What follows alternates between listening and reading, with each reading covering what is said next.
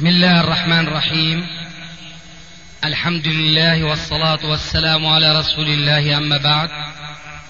فهذا أحد أشرطة سلسلة الهدى والنور من الدروس العلمية والفتاوى الشرعية لشيخنا المحدث العلامة محمد ناصر الدين الألباني حفظه الله ونفع به الجميع. قام بتسجيلها والتأليف بينها محمد بن أحمد أبو ليلى الأثري.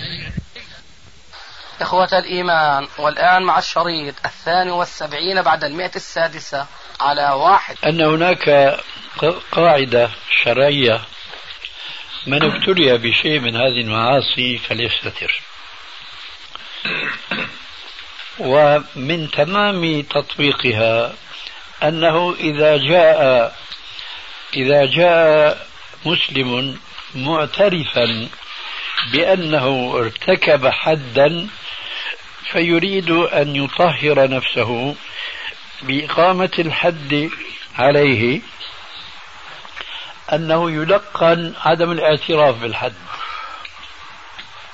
أليس كذلك؟ إذا جاء الجاني المرتكب الزاني السارق يطلب إقامة الحد لتطهيره أنه يلقن أن لا يعترف. وأكبر مثال على ذلك قصة ماعز جاءه على اليمين قال له يا رسول الله طهرني. أدار وجهه عنه. جاءه من الجهة الأخرى يا رسول الله طهرني. إيش معنى هذا الكلام؟ لسان الحال أنطق من لسان المقال غيب وجهك عني روح عني. لا أريد أن أقيم الحد لعلك ولعلك. وهذا سيظهر في تمام الحديث كما تعرفون. قال يا رسول الله طهرني قال استنكهوه. شوفوا ليكون شربان ليكون آه، آه، يهرف ما لا يعرف. استنكهوه. ما في شيء. ارجموه. ارجموه اذا هذه الوسائل كلها لإبعاد إقامة الحد. ترى إقامة الحد عليه ينفعه أم يضره؟ ينفعه. ولكن اتهام مسلم بالكفر لا ينفعه يضره. قد مثل ما بيقول المثل السوري نكاية بالطهارة شخ في الباسو مفهوم هذا الكلام عندكم؟ فهو لما بيسمع الحكم الشديد عليه وهذا نشاهده مع الأسف مع بعض الناس الذين يعبدون الله على حرف. ما يكاد يسمع كلمة فيها شيء من الشدة والقسوة إلا بينفر كالبغل الشموس فإذا هل اللي بده يصدر الحكم بتكفير مسلم أولا يجب أن يكون عالما وثانيا يجب أن يكون متائدا يدرس موضوع هذا الإنسان من كل الجوانب. ثم هناك القول الذي يذكره بعض الفقهاء المتأخرين أنه إذا كان هناك مئة شهادة فيها الإنسان تسعة وتسعون أنه كفر بما فعل أو بما قال واحد يقول لا هذا ليس كفرا هذا فسق وبس.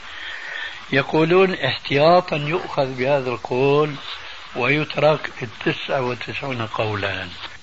ونسأل الله عز وجل أن يجعلنا من أمة الوسط. ونعتذر الأستاذ أبو مالك لأننا نشعر أننا أصحبناه وأسهرناه هذه ليلة مباركة الله يبارك فيكم. عنا خيرا أخونا أبو عبد الله أخونا زيد. اللهم آمين. وجزا الله عنا خير أيضا الإخوان أخو جابر وأبو طالب وأبو سالم الأخ إبراهيم الهاشمي. وأبو صابر. الله يحفظ جزاهم الله خير عنا إنهم هيئوا لنا هذا الاجتماع الكريم. وبعدين الأسئلة اللطيفة هذه اللي أيضا سألوها لشيخنا. ولا تنسوا يا إخوان هذه وصية والحوا فيها. جدا جدا ملح احفظوها عني وحفظوها لمن بعدكم وانشروها في الناس جميعا. أن يدعوا لشيخنا في ظهر الغيب بطول العمر. يمتع الله المسلمين به إن شاء الله. شيخ انت 50 دقيقة شيخ. نعم. انت 50 دقيقة في الشريط نعبيهم. سبحانك الله واحد اللهم اغفر لنا من خشيتك ما يحول بيننا وبين معاصيك. ومن طاعتك ما تبلغنا به جنتك. ومن اليقين ما يهون علينا مصيبات الدنيا. اللهم متعنا بأسماعنا وأبصارنا وقوتنا ما أحييتنا. واجعله الوارث منا. اللهم اجعل ثارنا على من ظلمنا. وانصرنا على من عادانا. ولا تجعل الدنيا أكبر همنا ولا مبلغ علمنا. ولا تسلط علينا من لا يرحمنا. جزاك الله خير. وتقبل الله منك. يا رب. السلام عليكم. إخوة الإيمان والآن مع مجلس آخر. طبعا يا إخوان الأسئلة خاصة بالأخ إبراهيم. أرجو يعني عدم طرح أسئلة سوى أسئلة إن شاء الله. يا الله إن الحمد لله نحمده ونستعينه ونستغفره ونعوذ بالله من شرور أنفسنا ومن سيئات أعمالنا. من يهده الله فلا مضل له ومن يضلل فلا هادي له. وأشهد أن لا إله إلا الله وحده لا شريك له. وأشهد أن محمدا عبده ورسوله. أما بعد. فإن نستسمح من شيخنا آه، في أن نكمل بعض الأسئلة في مسألة التكفير فنأمل آه، الإذن بذلك. آه، قول الطحاوي في الطحاوية ولا نكفر أحدا من أهل القبلة بذنب ما لم يستحله قال شارح الطحاوية ينبغي أن يقيد هذا ولا نكفر أحدا من أهل القبلة بكل ذنب. هل هذا التقييد صحيح؟ نعم. لا نكفر أحدا من أهل القبلة بأي ذنب صدر منه. بالشرط الذي كنا آه، ذكرناه بشيء من التفصيل في جلسة سابقة.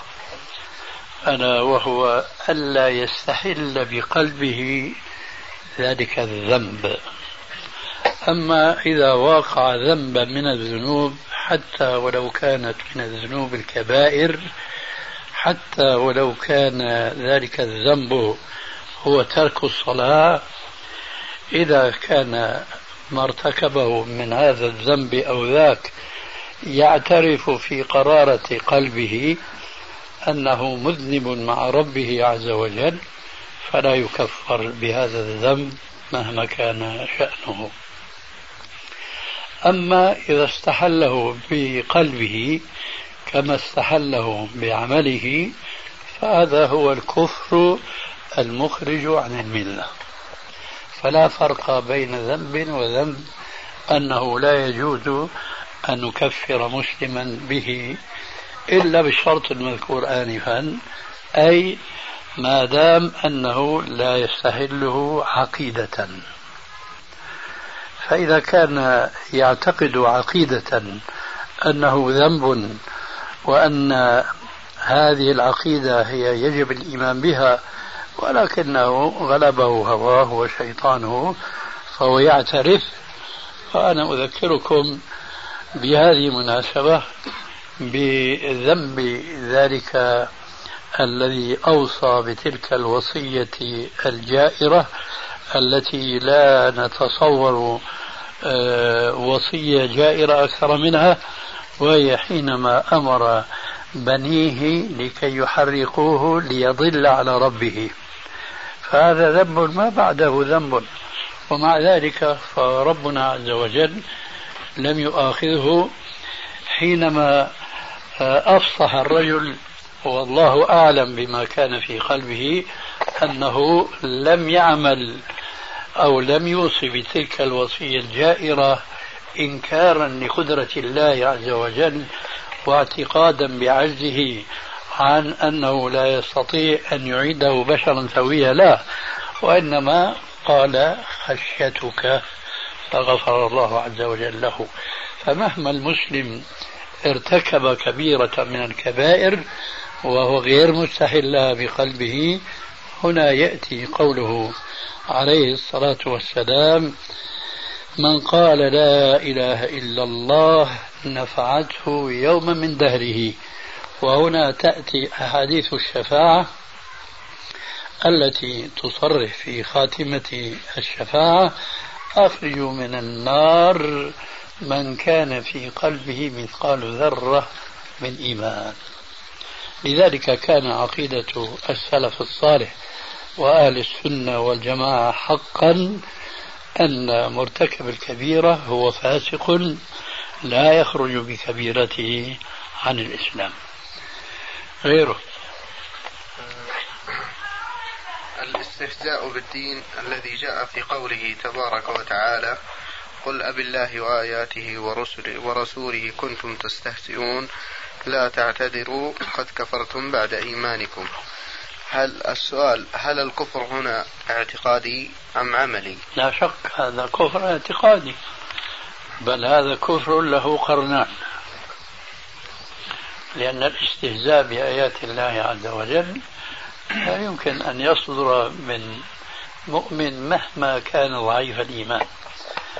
وهذا النوع من الكفر هو الذي يدخل في كلامنا السابق حينما كنا نقول لا يجوز تكفير مسلم إلا إذا ظهر من لسانه شيء يدلنا عما وقر في قلبه. فهنا استهزاؤه بآيات الله عز وجل. هذا أكبر إقرار منه على أنه لا يؤمن بما استهزأ به فهو إذا كافر كفرا اعتقاديا. أن هذا المنافقين. نعم. أي نعم.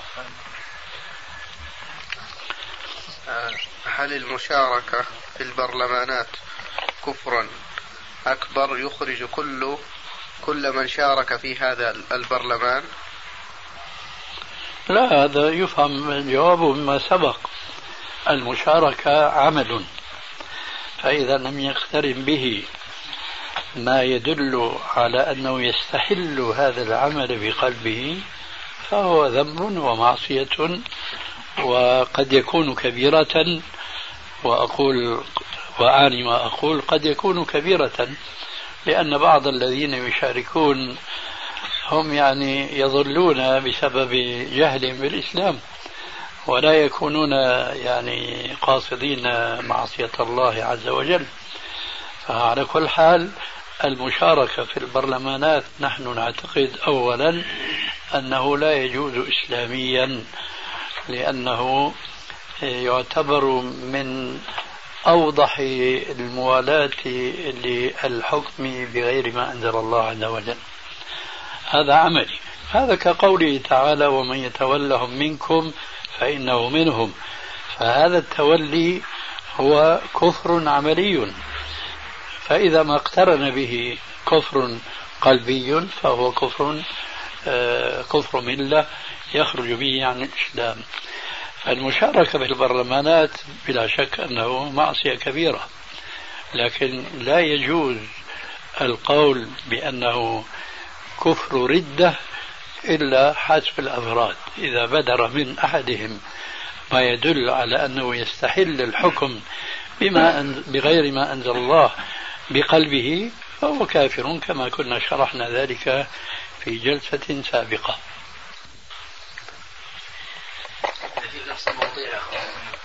تفضل. موضوع شيخنا حتى يكتمل هذا الكلام ما سبق. الله يبارك فيكم. شيخنا مسألة آه، كنا سمعنا منكم دليلا واضحا عن التفريق أو على التفريق بين الكفر العملي والكفر الاعتقادي. وهو حديث فمن جاهدهم بيده فهو مؤمن ومن جاهدهم بلسانه فهو مؤمن ومن جاهدهم بقلبه فهو مؤمن وليس وراء ذلك مثقال حبة من خردل الإيمان نعم. فحبذا له هكذا يعني نبذة يسيرة في الموضوع حتى يكون تماما لما قبله. والله أنت ما شاء الله تذكر ما صار عندي نسيا منسيا. جزاك الله خير. فلعلك تساعدنا في الموضوع وتذكر ما كنا ذكرناه في بعض المناسبات.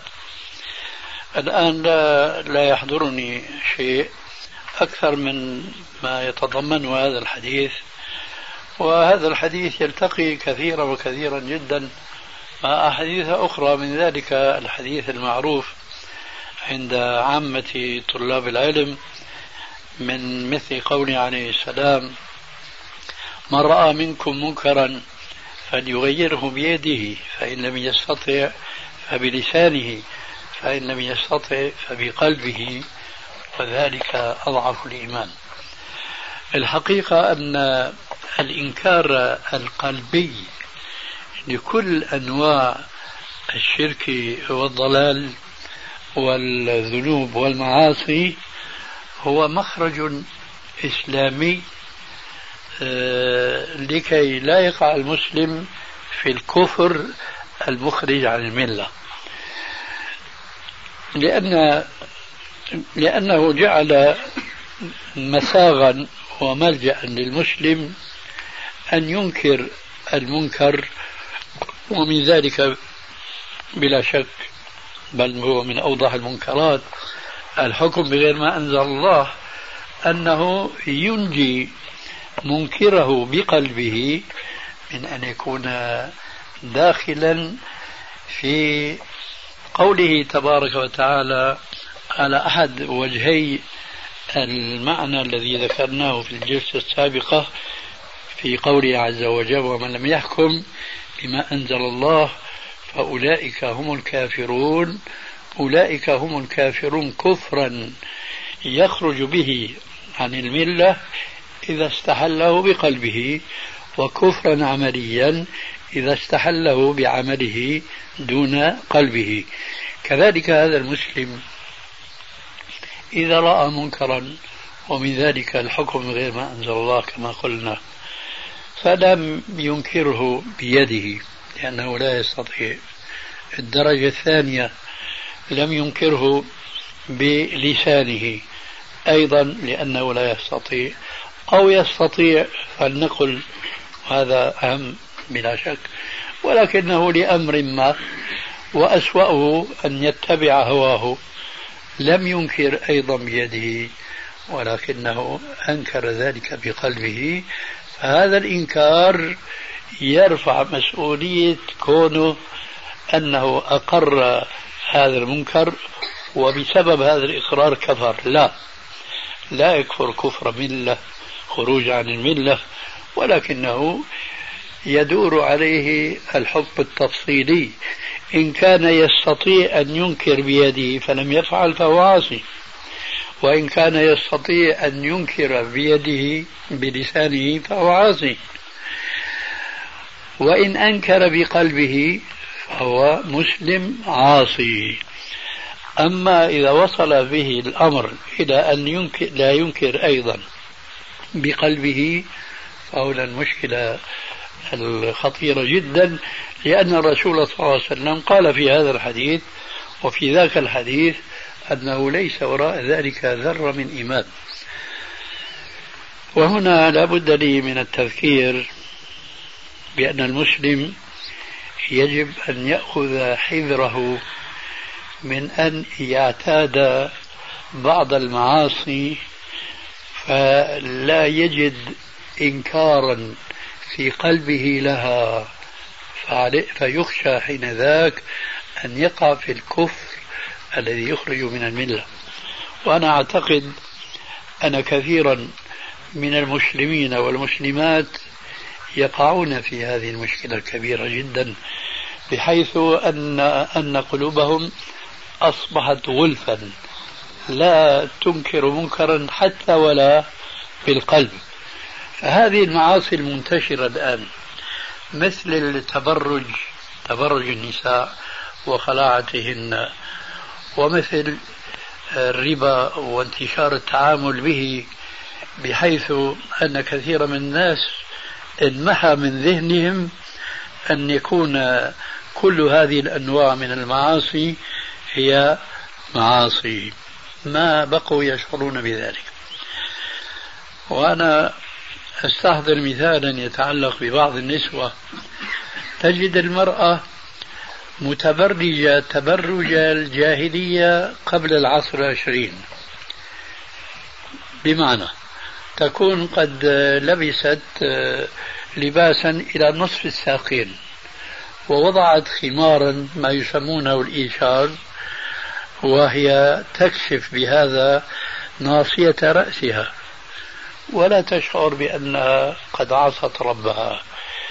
فإذا مرت بجانبها امرأة أخرى زادت عليها في التبرج الحديث كان يكون مثلا ثوبها إلى ركبتيها. كأن تكون حاسرة الرأس كأن تكون مخصرة الثياب ونحو ذلك. فما تكاد تمر بها إلا وتلتفت هكذا تستنكر عليها بقلبها. هذا معناه أنها لا تشعر بأنها هي واقعة في مثلها من حيث أنها خالفت شريعة ربها. لكن لا شك أن تلك أنكر وقعت فيما هو أشد إنكارا من هذه التي هي أنكر ذلك. هذا إيش معنى؟ هذا يدلنا أن هذا النوع من النساء لم يعدن يشعرن بالمعصية. فإذا لم يبقى في قلوبهن إنكار هذه المعصية. فلذلك على المسلمين أن يحافظوا على أنفسهم بأن يكونوا دائما في صحبة من يذكرونهم دائما وأبدا بأن يكونوا بعيدين عن استحلال ما حرم الله. على كل حال وضع فيما أظن الجواب عن السؤال السابق أننا لا نؤيد الدخول في البرلمان مهما كان الباعث على ذلك. لكن لا بد من التذكير والتنبيه دائما وأبدا على أنه لا يجوز الغفلة أو التغافل عن هذه القاعدة الإسلامية الهامة والهامة جدا جدا ألا وهو التفريق بين الكفر الاعتقادي والكفر العملي. لأن هذه حقيقة جاءت عليها نصوص شرعية كثيرة وكثيرة جدا تكلمنا عما يسر الله عز وجل من ذلك في الجلسة السابقة. فدخول البرلمان هو كفر عملي فإذا اقترن باستحلال الحكم بغير ما أنزل الله بالقلب فهو الكفر الاعتقادي المخرج من الملة. غيره. خلاص عندك؟ إذا بنفس الموضوع أيوة خلينا نشوف شيخنا. شيخنا أكثر يعني بعض الدعوات الآن التي ترى دخول البرلمانات والوزارات إيه، يذبون عن الديمقراطية ويتبنونها. ونحن نعلم أن الديمقراطية هي حكم الطاغوت وهي كفر. ففي أي دائرة هؤلاء؟ بل سمعت أحدهم يقول لما رأى آه، مقالة لشيخنا أبو مالك في المجلة الجديدة الأصالة قال هل تسمح لي أن أرد على هذا على هذا المقال الذي آه، شيخنا يهاجم فيه الديمقراطية وينتقدها وكذا؟ فهذا يعني هم يتبنونها ويدعون إليها. فماذا نقول في هؤلاء؟ يا أخي أنا ولا أظن غيري عنده جواب غير ما سبق. لا بد من التفريق بين الأمرين. هذا الذي أنت تشير إليه لو كتب ردا على مقالة الأستاذ أبو مالك حين ذاك ستبين موقفه إن كان كافرا مرتدا عن دينه أو يكون آه، ضعيف الإيمان يريد أن ينافق وأن يداهن وما شابه ذلك. فما يكفي أنت تعرف وهذا أيضا يجرنا إلى بحث. قد يكون أيضا مهما. آه، في الجلسة السابقة ذكرنا الآية بأطرافها الثلاثة. فأولئك هم الكافرون فأولئك هم الظالمون فأولئك هم الفاسقون. وأشرنا إلى أنه كما ينقسم الكفر إلى هذين القسمين كذلك الفسق وكذلك الظلم. الآن أريد أن أذكر بتقسيم ثان للفظ رابع. وأظن أن هذا التقسيم آه، سيقضي أيضا على مشكلة آه، قد تكون قائمة في صدور بعض إخواننا من طلاب العلم. حينما نقرأ قول الله تبارك وتعالى في المنافقين أنهم في الدرك الأسفل من النار. ثم نقرأ قوله عليه الصلاة والسلام آية المنافق ثلاث إذا حدث كذب وإذا وعد أخلف وإذا اؤتمن خان. فهل يكون هذا المنافق في الدرك الأسفل من النار؟ الآية تقول في المنافقين إنهم في الدرك الأسفل من النار. ورسول يقول آية المنافق ثلاث إذا حدث كذب. فهذا الذي إذا حدث كذب هل يكون في الدرك الأسفل من النار؟ استحضروا التقسيم الثالث. هذا عفوا السابق. استحضروا معي التقسيم السابق.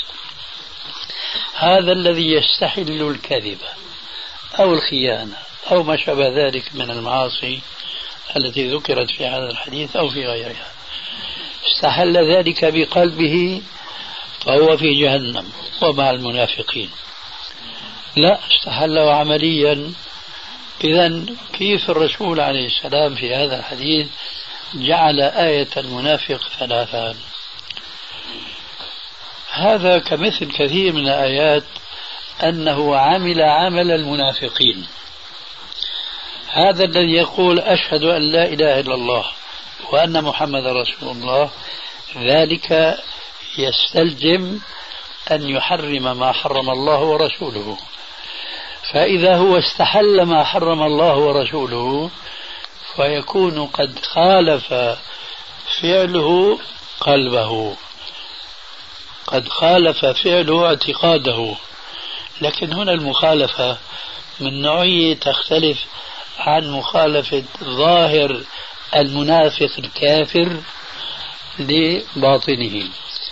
المنافق الذي هو في الدرك الأسفل من النار يضمر الكفر ويظهر الإسلام. يضمر الكفر ويضمر الإسلام. المنا... نعم يضمر الكفر ويظهر الإسلام. أما هذا الذي قال فيه الرسول عليه السلام آية المنافق ثلاث هو يضمر الإيمان ويظهر عملا خلاف ما أمره الإسلام. فالتقى مع المنافق في هذه الصورة ليس في الحقيقة. الفرق كبير جدا. المنافق الكافر هو كافر بقلبه مسلم في ظاهره. هذا المنافق الذي من علاماته إذا حدث كذب هو مؤمن في قلبه لكنه يخالف في عمله حكم دينه الذي عمل به آمن به. لذلك قال عليه السلام آية المنافق ثلاث إلى آخره.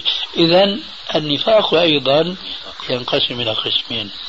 نفاق يخلد صاحبه في النار ونفاق لا يخلد صاحبه في النار.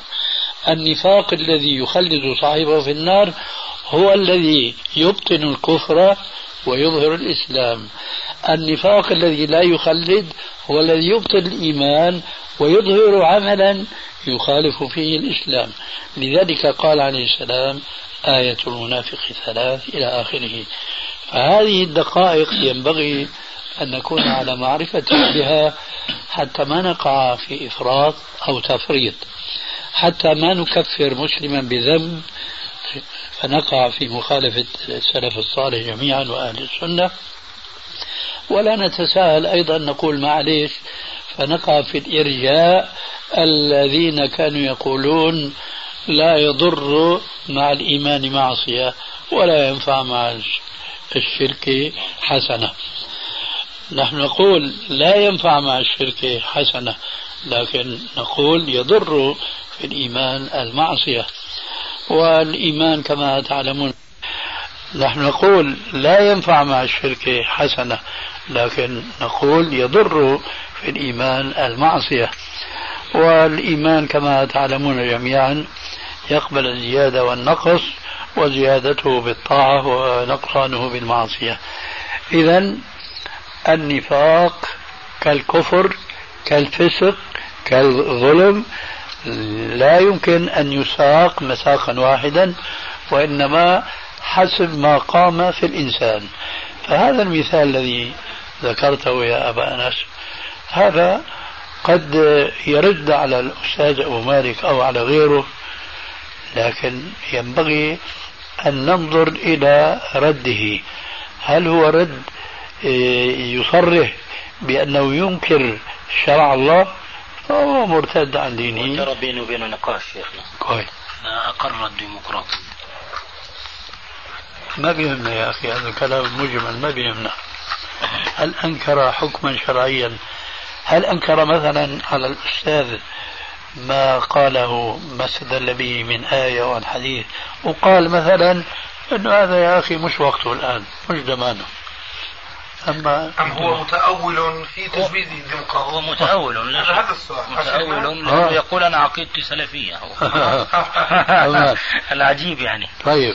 آه. أنت الآن لما قال لك أنه هو يقر الديمقراطية هل سألته ما هي؟ وهل بحثت معه في بعض أجزائها حتى تلقمه حجرا ما يكفي أنه يأخذ الكلام هكذا على إطلاقه. لابد من استفصال يا أخي.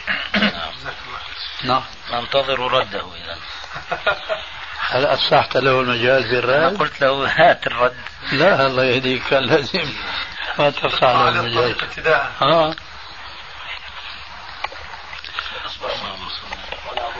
السلفي والديمقراطي. الله السلفي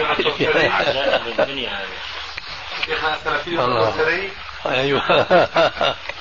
شيخ نعم. بارك الله فيك. التقيت ببعض مسؤولي بعض الجماعات في مدينة الرياض. ودار النقاش حول الدخول وجواز الدخول في البرلمانات وهم يجيزون الدخول فيها. فكنت يعني عرضته وقلت له إنه هذا ما يجوز ولا يسوق في الإسلام. فقال فأخذ الميكروفون وبشدة وقال هذه الرجعية. وتكلم علي كلام يعني لا يصلح أن يقال. الشاهد بارك الله فيه أنه مما استدل علي به لجواز الدخول في البرلمانات قصة يعني يوسف. لا أبو بصير. ويعني إرجاع النبي صلى الله عليه وسلم لهم. الله أكبر. وأنه يعني هذا يعني هذا مما يستدل وجه الاستدلال به أنه مضطر وأنه وقع في مسألة الصلح هذه الذي لا بد أن يضطر عليها الإنسان. فيقول يصف النبي صلى الله عليه وآله وسلم بأنه في حالة اضطرار فرد الصحابة إلى المشركين وها نحن نقبل بالدخول في البرلمانات لوضعنا الحالي ويعني حتى نصل إلى كرسي الحكم. فما هو جوابكم عليه؟ بارك الله فيك. ما شاء الله. جوابي أوردها سعد وسعد مشتمل ما هكذا يا سعد تورد الإبل نحن عرف خطنا. مثل هذا الإنسان يذكر بطريقة الرسول عليه السلام بصورة عامة وهذا ما لسنا بحاجة الآن للدخول بالتفصيل. ثم يقال له ثانيا أنت تنسب الرسول عليه السلام إلى أنه ارتكب عملا مخالفا للشرع مضطرا وهذا كذب على الله وعلى رسوله. الرسول الله صلى الله عليه وسلم ما فعل ذلك إلا طاعة لله عز وجل لأنه كان تعاد معهم كما هو معروف في قصة صلح ذي الحديبة. فإذا هو أرجع هذا المؤمن الفار بدينه وسلمه للمشركين تنفيذا لنص القرآن. أوفوا بالعهد. فالرسول عليه السلام وفى بالعهد هنا ولا يقال هذا من جهلهم في الواقع بالإسلام. حينما يتأولون بعض الحوادث وبعض الوقائع بخلاف تأويلها الصحيح. ثم نحن نقول أين اضطراركم أن تدخلوا في البرلمان الذي يحكم بغير ما أنزل الله؟ هذا خيال في خيال. الضرورة كما تعلمون جميعا تقدر بقدرها. ما الذي يرمون إليه بهذه الضرورة المدعاة وهي الدخول في البرلمان إقامة الحكم بالإسلام. طيب هكذا يكون إقامة حكم الإسلام بمخالفة أحكام الإسلام. إذا لا فرق بينكم وبين هؤلاء الذين تريدون أن تحلوا محلهم وتقوموا مقامهم لأنهم هم يحكمون بغير ما أنزل الله فأنتم تريدون زعمتم أن تحكموا بما, بما أنزل الله وابتداء تسوغون أن تحكموا بغير ما أنزل الله. فإذا يعني حجة داحضة إن لم أقل إنه من السخف بمكان أن يقال إننا نريد أن نصل إلى الحكم بطريق الدخول بالبرلمان. هذا أولا ليس آه، سببا شرعيا. مشاركة الكفار أو الضلال على الأقل في حكمهم هذا ليس سببا شرعيا. وثانيا ليس سببا كونيا. فقد جرب المسلمون قرابة أكثر من نصف قرن من الزمان أن يصلوا إلى الحكم بطريق مشاركة الفساق أو الفجار أو الذين يحكمون بغير ما أنزل الله بأي نية كان ذلك ثم لم يستفيدوا شيئا. لأن آه، كل من خالف هدي النبي صلى الله عليه وسلم ولم يأخذ بأسباب النصر التي شرعها الله تبارك وتعالى للمسلمين فلن يصلوا أبدا إلى الغاية المنشودة لأنهم ما نصروا الله عز وجل كما أمر في القرآن الكريم بل خذلوا أنفسهم بأن شاركوا غيرهم من المخالفين لشريعة الإسلام. فمثل هذا الكلام يعني آه، من الوضوح ضلاله في مكان فما يحتاج إلى كثير من الكلام. ولعل الأستاذ أبو مالك يتعبنا بشيء. والله عفوا شيخ. بس أنا أريد الحقيقة أن أقول أو أسأل شيخنا آه، قصة أبي بصير كما هو معلوم كانت آه، تنفيذا للشروط صلح الحديبية. هذا الذي ذكرناه. نعم. لكن آه، طبعا وشروط صلح الحديبية انتهت وانقطعت. بالمخالفة التي وقع بها فيها المشركون. نعم. وكانت سببا في نقض العهد كله برمته. صدق. آه وانتهى الأمر إلى فتح مكة. فيا ترى هل هذا الشرط الذي آه، خالف الم... آه، الذي وقع أو أنفذه الرسول عليه الصلاة والسلام هل هو ماض في الناس إلى يوم القيامة أم أنه نسخ؟ حاشا هو هذا. حاشا ولذلك يرد على هؤلاء بأن هذا الشرط لا يمكن أن يستدل به على إقامة حجة أو حكم شرعي به. وبارك الله فيك. الأمر أخطر. هو لو تمسك بالشرط لو تمسك بالشرط ورد ما تفضلت نعم. لكن هو نسي القصة كلها نعم نعم. وتجاهلها نعم. وقال أن الرسول فعل هذا للضرورة أعوذ بالله هذا هو.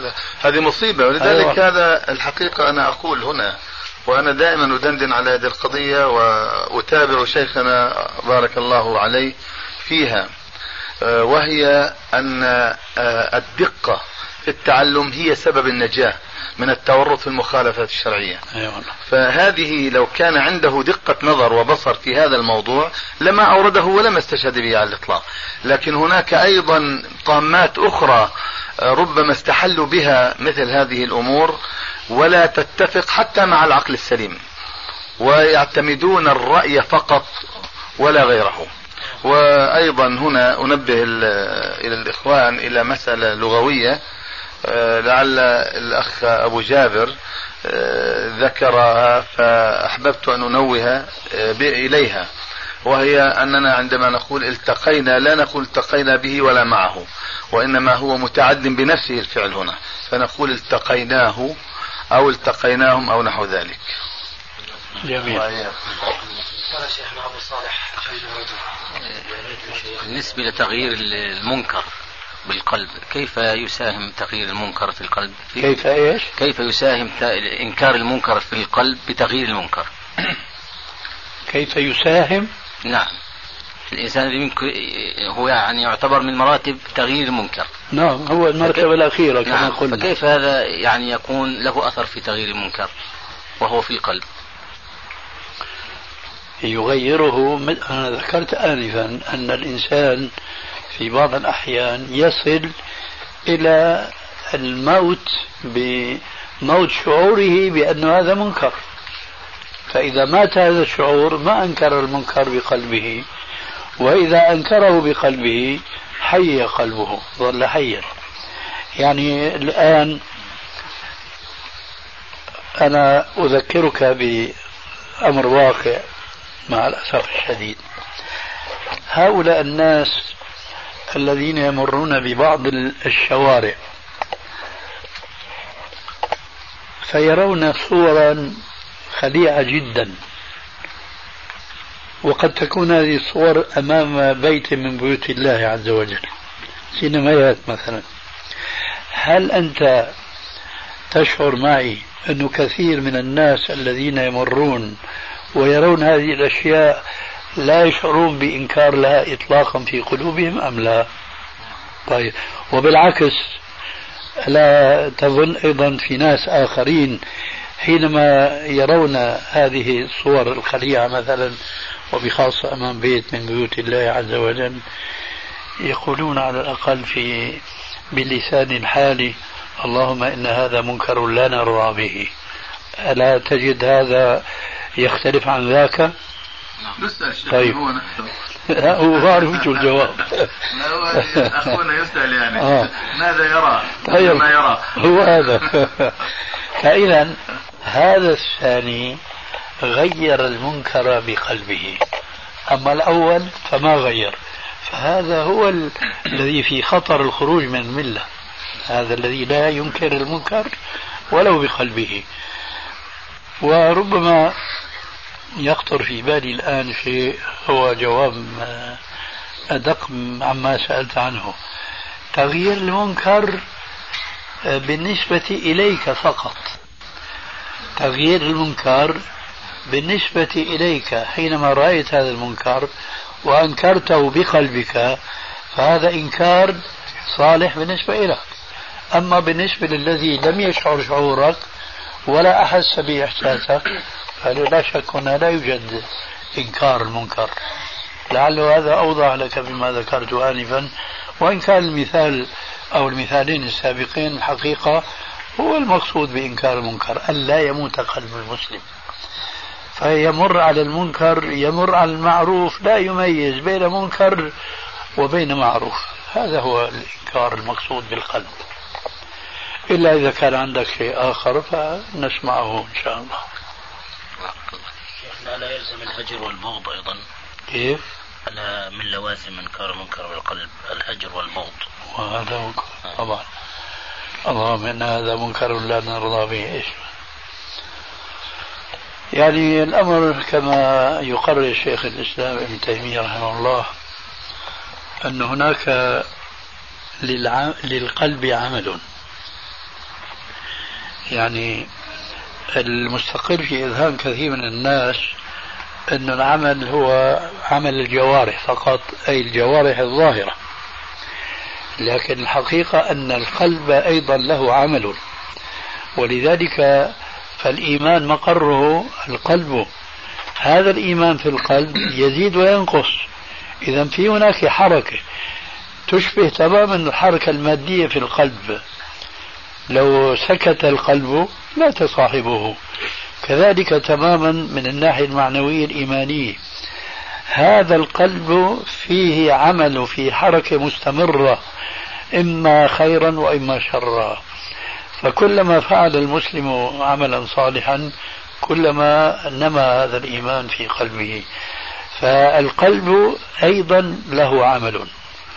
فمن جملة إعماله هو الإنكار بهذا القلب. هذا يقوي الإيمان أيضا. ولكنه قال عليه السلام أضعف الإيمان. لكن حنانيك بعض الشر أهوى من بعض ولعل شيخ ما ما يكون من علامات الساعة في آخر الزمن. ربما يلقي وضوحا أو توضيحا على هذه المسألة. نعم. أن الرجل يمر بالرجل ويزني على قارعة الطريق. الله أكبر. فيقول لو تواريت تواريت نفسك. اي والله. أي نعم. يعني هذا في الحديث خيرهم نعم. من يقول له تواري خيرهم. الله أكبر. نعم. شيخنا بعض المسلمين يرقبون الغرب وتطورات الغرب. فإذا حدث بعض الشيء فيه أظهروا الفرح والسرور. فهل هذا يعتبر من الخلل العقدي العملي أم القلبي وماذا تنصح هؤلاء الناس؟ عفوا تقصد ماذا ماذا تقصد بأنه كلينتون شيخ آه. يعني ذهب فلان, وجاء فلان آه. فهذا أخف من هذا وهذا أيوة. يعني سينفع المسلمين إلى غير ذلك هذا ضعف إيمان وعقل معا ضعف إيمان وعقل الحقيقة الذي لابد لكل مسلم أن يستحضرها في ذهنه بمثل هذه المناسبة أن يتذكر قوله تبارك وتعالى كلما دخلت أمة لعنت أختها ليذوقوا العذاب. إذا اداركوا فيها جميعا قالت أخراهم لأولاهم. أي نعم. فالشاهد الحقيقة هذا الفرح فرح صبياني ليس فرح رجال أولا ثم هو ليس فرح رجال مؤمنين ثانيا. لأنه كون سقط بوش وقام مكانه كلينتون ما أعرف شو اسمه والله. أسماء غليظة على ذهني. والله شيخنا اسماء هو. فالشاهد سقط بوش ونجح في الانتخاب فلان. هم كلهم يمشون على سياسة واحدة وإنما هي تغيير وجوه. ولذلك فمن السخافة بمكان أن نفرح أنه راح بوش وجاء فلان مكانه. وبخاصة أنه فلان لسه ما عرفنا خيره من شره إن كان منهم خير. فلماذا هذا الاستعجال؟ ما دام أن الكفر أولا كله ملة واحدة والشعب الأمريكي الأمريكي كشعب سياسته مع اليهود. فكونه سقط بوش ونجح فلان هذا ما بيغير من من سياسة هذا الشعب بهذه السرعة التي يتوهمها بعض ضعفاء الأحلام والعقول أنه خلصنا من بوش. طيب وهذا لعله شر من بوش. على كل حال المسلم لا يفرح بسقوط شخص كافر وقيام شخص كافر مكانه لأنه الكفر ملة واحدة والسياسة هي سياسة واحدة. انظروا الآن مين كان في الوزارة تبع اليهود وقام مقامه إسحاق شامير واسحاق رابين. إسحاق رابين. شو شفنا فرق بين سقط هذاك وقام هذا؟ لا شيء ابدا. إنما هو لعب على ذوي الأحلام الضعيفة ومع الأسف بعض المسلمين أو بعض السياسيين الذين لم آه، يساسوا بسياسة القرآن والسنة. ولذلك أنا أستطيع أن أقول إن الله كما قال الله عز وجل أقول بهذه المناسبة إن الله لا يحب الفرحين. هؤلاء الذين يفرحون بسقوط هذا ونجاح هذا هؤلاء كما قلت آنفا أحلامهم كأحلام الصبيان بل العصافير. الله المستعان. بيسقط تمه دائما موجود في مجلس الشيوخ تبعهم وكذا يعني ما بفارق السياسة معه سياسة واحدة. أي نعم. اي نعم يعني هل لهذا أمر علاقة في العقيدة؟ يعني هل من الممكن أن يطلق يعني بعض إخواننا يطلق على من يظهر الفرح في لمثل هؤلاء الكفر؟ لا لا هذا كله خطأ ومعصية إلى علاقة إذا كان إلى علاقة بالكفر فالكفر عملي يا أخي نحن نعم. القاعدة ونستريح الكفر المخرج عن الملة يتعلق بالقلب نعم لا يتعلق باللسان والآن سؤالك هذا يذكرني بقسمة عادلة أخرى للكفر. فهناك كفر لفظي وكفر قلبي. التقسيم السابق كان كفر اعتقادي وكفر عملي. الآن قسمة أخرى عادلة كفر لفظي وكفر قلبي. الكفر القلبي يساوي الكفر الاعتقادي. الكفر اللفظي يساوي الكفر العملي. فإنسان يظهر فرحا بسقوط بوش ونجاح جورج أو أنطونيوس أو ما شابه ذلك. هذا فرح بلا شك لا ينبغي أن يصدر من مسلم. فهذا ممكن نسميه كفرا لفظيا. لكن هذا لا يكفر به لأنه قد وقع في زمن الرسول عليه السلام كما أعتقد أنه لا يخفى على أحد منكم شيء من ذلك كمثل حديث ابن عباس لما قال أن الرسول عليه السلام خطب يوما في أصحابه فقام رجل ليقول له ما شئت ما شاء الله وشئت يا رسول الله؟ فقال أجعلتني لله ندا؟ قل ما شاء الله وحده. فهذا كفر لفظي. قال له أجعلتني لله ندا لكنه ما ألزمه بشيء. وعليكم السلام. ورحمة الله وبركاته. من لوازم الكفر الاعتقادي. فإذا نحن يجب أن نضع أمام أعيننا دائما وأبدا هذه القسمة الصحيحة. كفر اعتقادي أو قلبي وكفر عملي أو لفظي لأن اللفظ من العمل. فإذا رأينا مثل هذا ما نبادر أن نقول كفرة حتى لو تكلم بلفظة الكفر ما نبادر إلى تكفيره وإخراجه عن الملة حتى نستوضح ماذا يريد بهذه الكلمة. نعم. شيخنا لو سمحتوا بس قبل ما يتكلم الأخ سليم. نعم. يقول آه، في هناك في سياسة البلاد الغربية أو الكفار بعامة في هناك أصول وفروع. أيوة. فالأصول لا تتغير على مد السنين أوه. أبدا في هناك أصول ثابتة للسياسة أوه. وهذه الأصول الثابتة هي التي آه ينطلق منها وتحكم مسيرة أوه. السياسيين الصغار والكبار في في تلك البلاد أوه. الفروع الحقيقة هي متفرعة من هذه الأصول وعندما نتابع نحن مسيرة السياسات الدولية العالمية التي أحاطت خصوصا بنا وأوقعتنا فيما أوقعتنا فيه من البلايا نجد أن التغير الذي حدث إنما حدث فقط في الصيغ التي صيغت بها هذه الفروع المتفرعة عن هذه الأصول. نعم.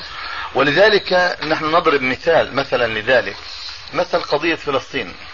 قضية فلسطين الحقيقة منذ ما يقرب من 45 آه، من 45 سنة ونحن نتابع هذه القضية متابعة تخرجنا من في كل خمس سنوات أو عشر سنوات مرحلية زمنية قسمت لها القضية بأبعاد الزمن. تخرجنا من حال إلى حال. ونحن ننظر في هذا الحال الذي سبق فنجده أحسن من الحال الذي يأتي. والسياسة الدولية هي التي تلجئنا إلى استحسان المرحلة الآتية وعدم استحسان المرحلة التي فاتت. الله. ولذلك وصلنا الآن بهذه السياسات التي صاغتها لنا الدول الكافرة وصلنا إلى قناعة بأن أفضل ما يمكن أن نفعله الآن بالنسبة للقضية الفلسطينية أن نسلم بكل ما يحدث من غير أن نسأل لما ولا كيف. الله وهذه النهاية التي انتهت إليها تعطينا فكرة. فيا ترى لو أنه كان هناك مثلا جاء أو بقي بوش. هل يمكن أن نتصور بأن النهاية التي انتهت إليها القضية الفلسطينية ووضعت على مائدة المباحثات التي تجري الآن في واشنطن مثلا هل كان يمكن لبوش أن يعجل في النهاية قبل أن يتغير موقعه وأن يكون أن يأتي الرئيس الجديد؟ طبعا الجواب لا. هل هذا الرجل الآتي هل هو سيستعجل في حل القضية ويقول بأنني رأيت ما كان قبل السياسة التي رسمها بوش لهذه القضية؟ هل أعود إلى المرحلة السابقة لأقف عندها وأحل القضية أو أجعل القضية محلولة بالنظريات التي كانت تحكم هذه القضية في المرحلة الزمنية السابقة؟ الجواب لا. ولذلك السياسة واحدة لا تختلف فالفرح إذا فرحنا بقدوم كلينتون نبكي على بوش. الله أكبر. الله المستعان. ما أدري إيش عندكم. سؤال يتعلق بقضية التكفير وخاصة في جزئية الصلاة. في الرسالة الأخيرة حكم تارك الصلاة. نعم. معروف يعني عن الحديث الذي هو حديث الشفاعة. ذكر لبعض الإخوة يعني أنه هناك يرد على حديث الشفاعة الذي في آخر أخرج من وجدتم في قلبه مثقال ذرة من إيمان. وقوله يعني ثم بعد هذا يعني من يعني شفاعة الله ورحمة الله أن يخرج أقواما لم يعملوا خيرا قط. قال هذا خاصة الأخير من لم يعمل خيرا قط. مثل آه، اللفظ الذي في الحديث الذي قتل المئة فقالت ملائكة العذاب أنه لم يعمل خيرا قط مع أن الرجل أتى تائب وقد عمل خير. فهذا يعني إشكال عن لم يعمل خيرا قط مع أن هذا الرجل مؤمن بالله ويشهد أن لا إله إلا الله محمد رسول الله. كيف الجواب عن هذا الإشكال؟ لأنهم قالوا إنما هذا خرج مخرج الغالب الغالب اللي هو لم يعمل خيرا قط. شو له علاقة بالموضوع؟ عن قضية أنه رد هذه الجزئية في أنه تارك الصلاة كافر. إذا قلنا أنه هذا ما ينفع عن العمل معه البقي إذا ترك الصلاة.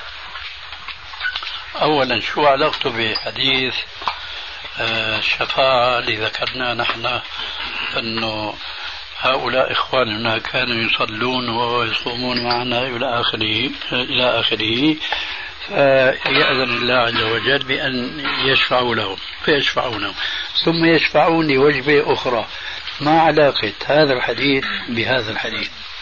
يعني قوله إنه لم يعمل خيرا قط أي يعني ليس ليس في معنى. ما لي وله يا أخي. آه. خليه أول حديث. آه. لم يعمل خيرا قط بما يشاء. لأنه ليس موضوعنا الآن فيه. موضوعنا أن هذا حديث صحيح وصريح أن الله عز وجل أذن للمؤمنين الصالحين من أهل الجنة بأن يشفعوا لإخوانهم الذين كانوا معهم كانوا يصومون يصلون لكنهم ما نراهم معنا. فيستأذنون ربهم بأن يشفع لهم فيأذن لهم. خرجت أول وجبة. الوجبة فيهم الذين كانوا يصومون ويصلون لكن ارتكبوا ذنوبا فاستحقوا بها أن يدخلوا النار. فأخرجوا بشفاعة الصالحين هؤلاء. ثم يؤذن لهم بإخراج وجبة أخرى. هذه الوجبة الأخرى ليس فيهم أولئك المصلون أو مثل أولئك المصلين. فأنا بتساءل الآن ما علاقة حديث لم يعمل خيرا قط بهؤلاء الذين أخرجوا بشفاعة الصالحين الشافعين ولم يكونوا من المصلين؟ شو وجه العلاقة؟ وجه العلاقة أنه يعني الفهم القائم عند هؤلاء الأخوة لعله أنه الوجبة الثانية أنهم يعني أخرجوا من في قلبهم مثقال ذرة أو مثقال دينار. لا ينفي أنهم غير مصلين. لا ينفي أنهم يعني نحن مو هذا دليلنا. دليلنا أن الذين كانوا يصلون أخرجوا أول وجبة أيوة. والآخرين الذين هم يعني هل ينفي ما فيهم مصلين؟ طبعا. لأن الذين قالوا هؤلاء إخواننا كانوا يصلون معنا ويصومون وما نراهم معنا اشفعوا لهم فأخرجوهم.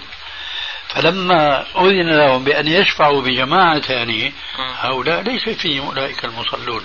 ولذلك أنا بتساءل إيش علاقة هذا الحديث بذلك إذا هنا التصنيف والترتيب هو اللي جعلنا نحن نستدل بالحديث على أن تارك الصلاة إذا كان مؤمنا كما قلنا آنفا في التفصيل بين الكفر الاعتقادي والكفر العملي إذا كان مؤمنا بالصلاة ولكنه لم يكن يصلي كسلا وهملا وليس عن عناد وإنكار فهؤلاء يشفع لهم فيشفعون فيهم. إذا انقطع عن الإشكال هذا إنما السؤال الآن توجيه هذه العبارة بحيث أنه لا لم يعمل خيرا قط ولا يدخل الجنة إلا المؤمن. إيه، إيش معنى لا يدخل الجنة إلا مؤمن؟ كامل؟ إخوة الإيمان تتمة الكلام في الشريط التالي. إيه، إيش معنى لا يدخل الجنة إلا مؤمن؟ كامل؟ جواب يعني لا لا لا وأنا بقول تارة بلى تارة لا. لا يدخل الجنة إلا مؤمن مع السابقين الأولين مؤمنا كاملا أو على الأقل رجحت سيئاته على حسناته على سيئاته. أما إذا كان آه، مؤمنا لكن له سوابق له سيئات إلى آخره فهذا إن لم تشمله مشيئة الله بالمغفرة كما قال الله عز وجل إن الله لا يغفر أن يشرك به ويغفر ما دون ذلك لمن يشاء. إن لم تشمله مغفرة الله فيدخل النار ويعذب ما يشاء. حينئذ كما قلنا في الحديث السابق من قال لا إله إلا الله نفعته يوم من داره. أي تكون هذه